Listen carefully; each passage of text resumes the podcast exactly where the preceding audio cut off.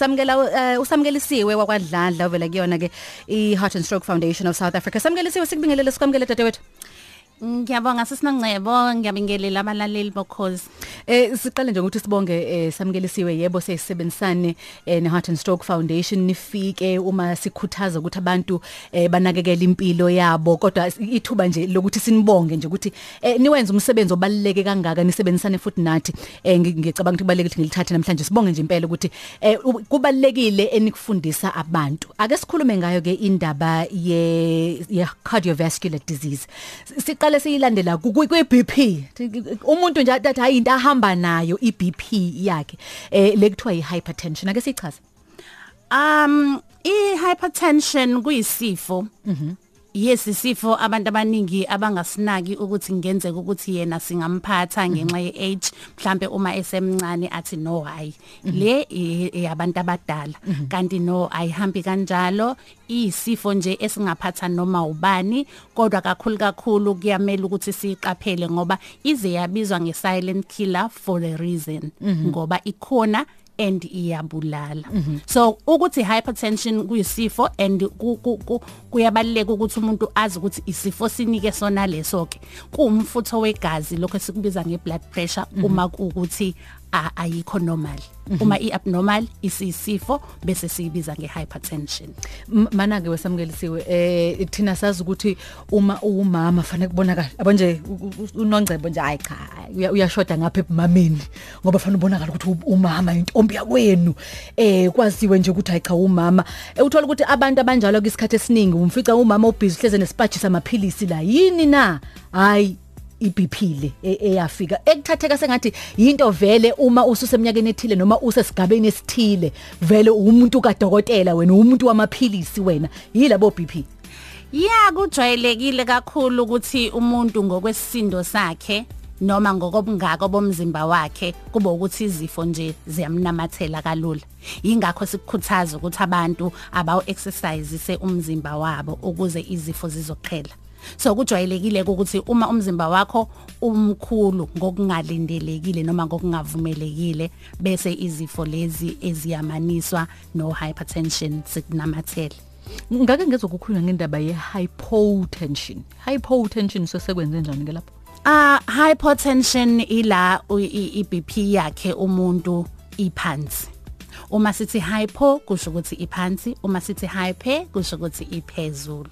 Kodwa yombili lento ihypo noma ihyper isifo endiyabulala. So kokubili kwamele ukuthi sikugade. Ayikho ke enye indlela nongcebo esingasuke siyigade ngayo ngaphandle kokuthi siyicheck ngoba awazi ukuthi khona yini until uyichecka. Fanele fanele ngiyichecke nini kanjani makutheni mangiboneni? Omunye uzothi yena ey yazi ngizwa nje nginekhanda nje lingapheli ngizwa nje nginesiyezi esingapheli kusho ukuthi ngenzeka ukuthi iBP yami iphezulu. Okay it's fine. Kodwa akusiwona wonke ama cases la uzozwa khona unekhanda lingapheli noma uzizwe mhlawumbe engathi ey nginesiyezi lapho kuzobe kuchaza khona ukuthi iBP yakho kusho ukuthi iphezulu. Omunye ngeke ezwe lutho. Ingakho kuthiwa it's a silent killer because uzovele nje wena uthule ungezwanga lutho kuyabaleka ukuthi vakashela umtholampilo noma udokotela uzokwazi ukuthi uyicheck iBP noma ungayichecka kathathu ngonyaka nje kathathu ngonyaka. At least uyazi ngoba akusiyona phela into ezovele nje namhlanje bese kuthiwa ke ayi njengoba iphezulu kangaka nje useyagula ngeke akaqala adla amaphilisi cha.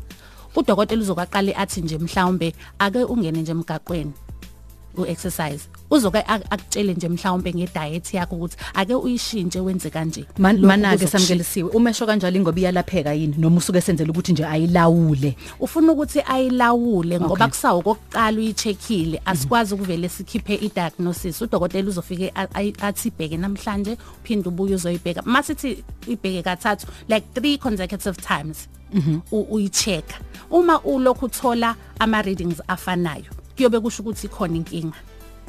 Manje ke le le BP le, le hypertension eh uma usufakwe emaphilisini ke manje so sekusho ukuthini? Sekusho sekusho ukuthi ngisho unga exercise ngisho unga- ungazivoca voca ngisho unganyakazisa umzimba ngisho ngathini akusese ukwenza amahluku usiyohlala uyinto yamaphilisi nje wena. Akusho kanjalo sisinoncebo kodwa kusho ukuthi okwangaleso sikhathi ake simonithe noma ake sicontrol phela ingadlebeleki. Amaphilisi ayayithobisa. Kodwa nawe zisizeke ngokwenza into eright. Njengakho ukuthi phela uexercise udle ngendlela uzigwema izinto lezi ezizokwenza ukuthi umfutho wakho wegazi unyuke.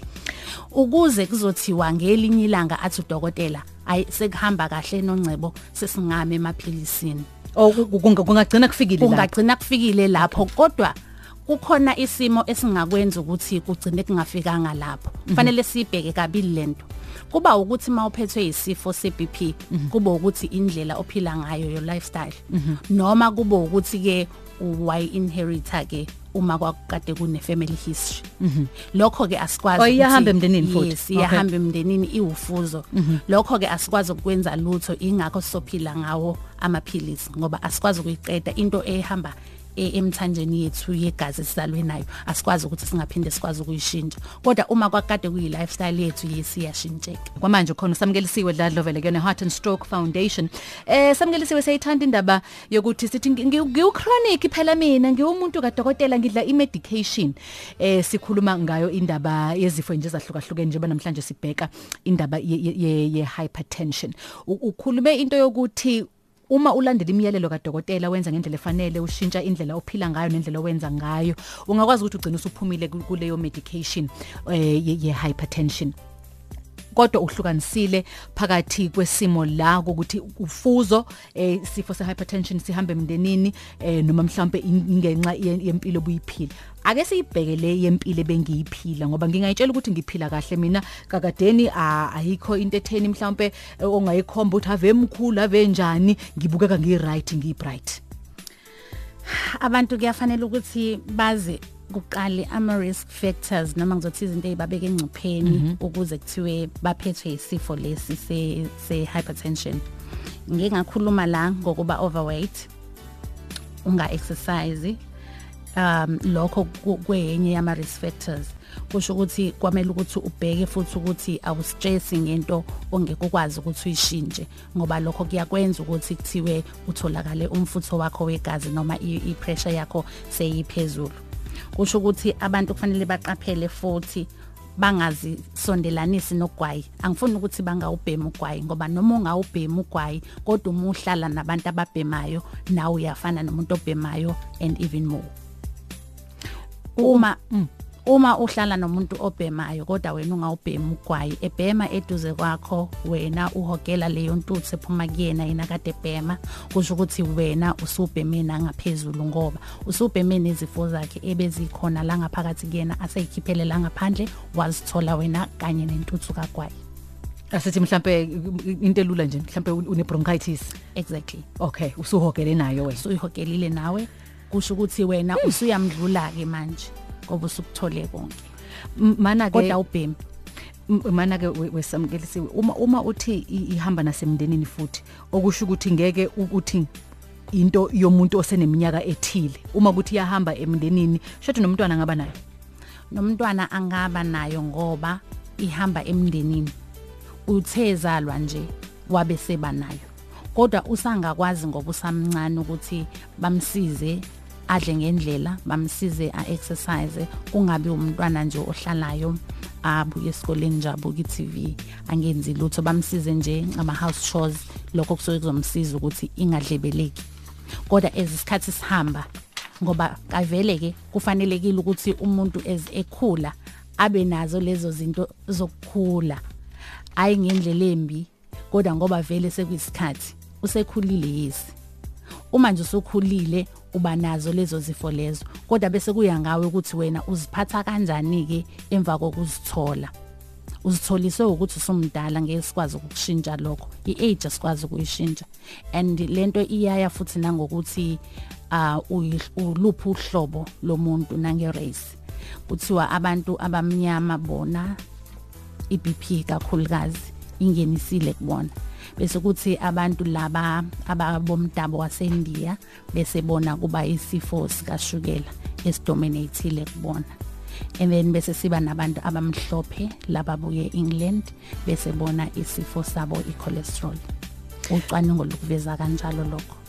Eh i- indaba ye ye hypertension ne BP makuthiwa ikhuphukile. ku- kuyenzeka yini ukuthi umuntu ongenayo iBP njengoba ngunongcebo nje ang- anginayo iBP ngiya- ngiyakwazi lokho. Kodwa kube khona into ezovela ikhuphule masisha. Sineyinhlobo ezi ezimbili ze ze- ze- zeindlela la ihamba khona lento ebizwa ngomfutho wegazi mayiphampa to and from enhliziyweni. Kunalesibiza ngesystolic kunalesibiza ngediastolic lesibiza ngesystolic le kuthiwile namba enkulu kwiBP le engenhla uma ukubona umshini okucheckwa ngayo iBP kufike kube ila ihamba khona umzimba wonke isupplya igazi bese kuba khona nala ifika khona isizo resta emva kokuthi silisupply igazi lapho esibiza khona ngediastolic kusho ukuthi ke kufanele ihambe kube umfutho o120 over 80 ukuze sithi yinhle leyo BP noma yamukelekile kodwa uma kudlula lapho ingahamba ize bo 140 over 90 nalapho futhi kusamukelekile. Kodwa wena gada ukuthi kungabi ngaphezulu kwalokho. Kungabi ngaphezulu kwa 140 over 90 kusho ukuthi isiyimbi ke leyo. Ngiya la ekuthenini ke uma kukhona into ekuphathe kambi yes iBP yakho izo react siyibone isi abnormal kodwa wena awunayo iBP futhi wena awuwadla amaphilisi. Kusho ukuthi kufanele ukuthi wena ungazikhathazi ngento le ekuphathe kabi uloke uyicabanga ingadluli engqondweni yakho ngoba lokho kulimaza wena. Ingakho sithi uma kunesimo ongeke ukwazi ukus- ukushintsha nje yingakhathazeki ngaso yingastress ngaso ngoba angeke ukwazi vele ukushintsha. So why stressing? Ngoba kulimaza wena. Yes sizokubona iBP yakho isiphezulu ngalendlela yokuthi ke singaze sithi cha eh uyawadla nongceba amaphilisi uhlala ngathi. Kanti kunalesimo lesi. Kusho ukuthi abantu abazwami kuyigwema lento le emenza ukuthi umuntu angaphatheke kabi ngokweqile ngoba kuya react lapha ya kwiBP yakhe. And iBP mangabe iphezulu noncebo uyawa umuntu. And uma ewile waba nenhlanhla wavuka. Definitely uzovuka esenasi stroke and akuve kunzima ukusilapha. Samkelisiwe ngiyacabanga ukuthi niba nazi indlela enikhipha ngazo ulwazi mhlambe koma website njalo njalo nako social media enitholakala kanjani as i Heart and Stroke Foundation? Um abalaleli bangaselandela ku website yethu ethi www.heartfoundation.co.za noma basilandele ku Facebook wethu o Heartstroke SA noma ku Twitter @saheartstroke